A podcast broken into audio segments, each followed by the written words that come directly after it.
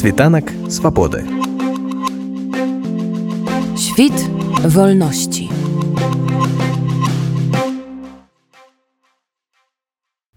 Дар Дмітрый вось мы ведаем што адной з асноўных нагодаў візіту стала ўзнагароджанне святланы ціханаўскай прэміяй імя Анны лінд не маглі б вы калі ласка падрабязней распавесці нашим слухачам што гэта за прэмія такая ну пачнем з того что так яна прыехала по запрашэнню мемарыяльнага фонду Анна лінд Анна лінд была шведскай міністркай замежных спраў э, першай жаночай міністркай замежных спраў вельмі папулярнай вельмі любімай у сваёй партыі і таксама другімі сваімі калегамі нават з других парт. І яна была забіта на жаль тому что Швецыя была і застаецца адкрытай супольнасцю і негледзячы на гэта Швецыя застаецца і будзе адкрытай супольнасцю там дзе люди размаўляюць друг з другом э, э, там дзе няма дыстанцыі паміж палітыкамі і звычайнымі людзьмі і Э, Таму што яна была такая папулярная і любімая сацыял-дэмакратычная яе партыя учредзіла гэты прыз, які урушаецца розным палітыкам у асноўным жаночым палітыкам палітыкам, наколькі я разумею. І вось у гэтым годзе я атрымала беларуская абраная прэзідэнтка. Вось чаму гэта важна для беларускіх дэмакратычных сілаў на вашу думку.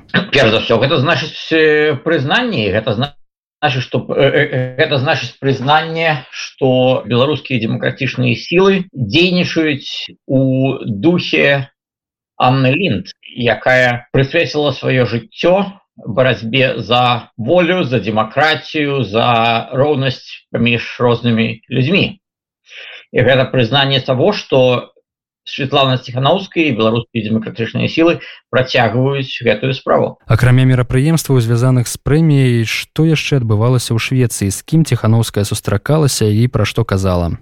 Светлана Тханаўская сустракалась.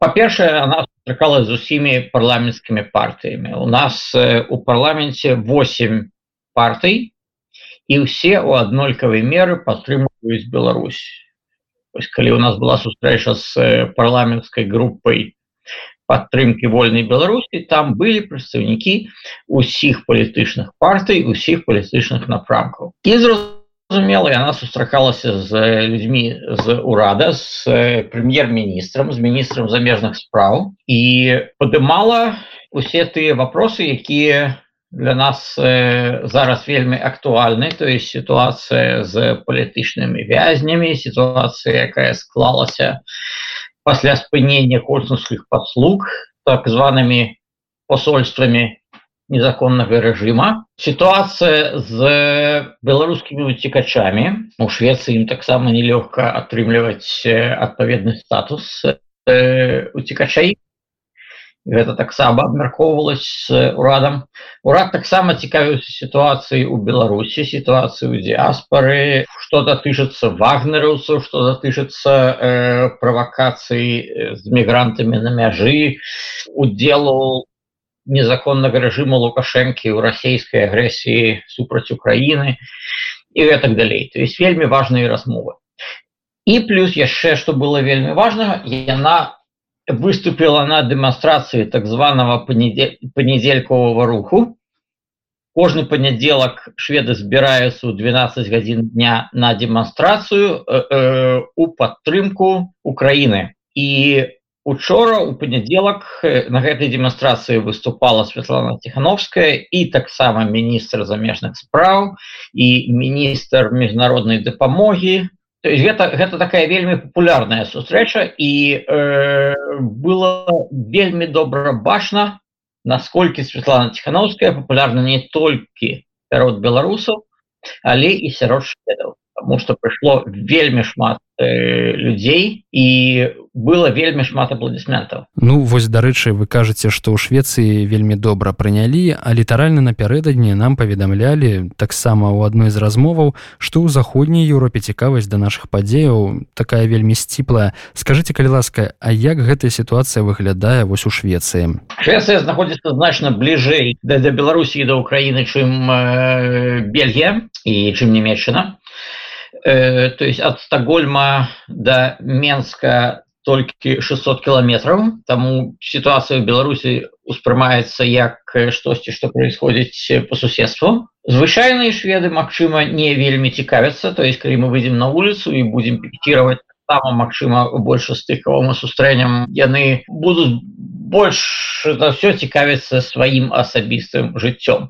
Але ты хто навогул цікавіцца палітыкай яны разумеюць что Беларусь грае вельмі вельмі важную ролю для рэгіянальнай стабільнасці і что рэгіянальная стабільнасць немагчыма без вызвалення Беларусі. Але калі мы кажам про свядомасць наконт того что насамрэч атрымліваецца то яна ўсё роўна дастаткова нізкая тому что нават э, з людзьмі калі, калі мы сустракаемся у парламенце і у урадзе і рассказываем про то что чалавек у беларусі можа атрымаць два гады за лайки для многіх гэта з'яўляецца шокам. То есть э, зацікаўленасць ёсць але у людзі недастаткова разумеюць наколькі гэта дрэнна вяртаючыся да папярэдніх вашых словаў калі вы казалі што ціхановскую прынялі вельмі добра ў парламенце усе партыі ў ім падтрымліваюць дэмакратычныя сілы беларусі і ўвогуле гэта імкненне беларусаў да дэмакраты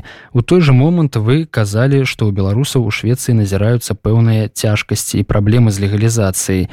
Не маглі б вы патлумачыць чаму так адбываецца і як увогуле зараз выглядае сітуацыя для беларусаў у сувязі з вось гэтымі апошнімі указамі лукашэнкі? Тыя беларусы беларусы э, якія жывуць у Швецыі але не маюць шведскага грамадзянства яны могуць аказацца ў такім лімба калі ім не працягваюць іх беларускія паспарты а ехаць не могуць тому что гэта небяспечна.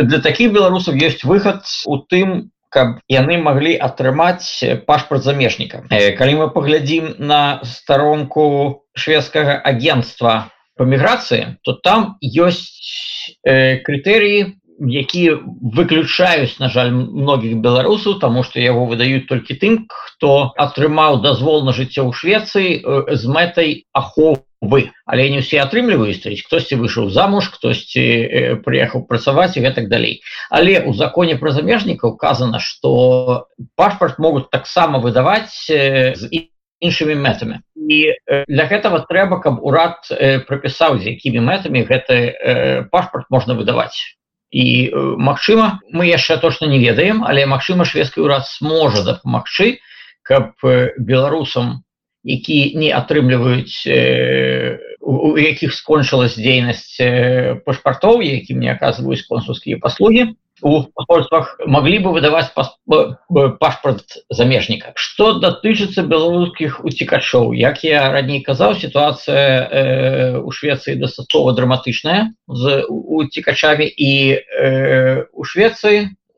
Наконт гэтага ёсць бюрократычная праблема якая заключаецца ў тым что агентство по міграцыі является э, незалежным ведомством. Таму урад не можа даваць ім конкретные указания по специфічным краінам. Э, яны могуць столькі праінфармаваць пра сітуацыю ў краіне.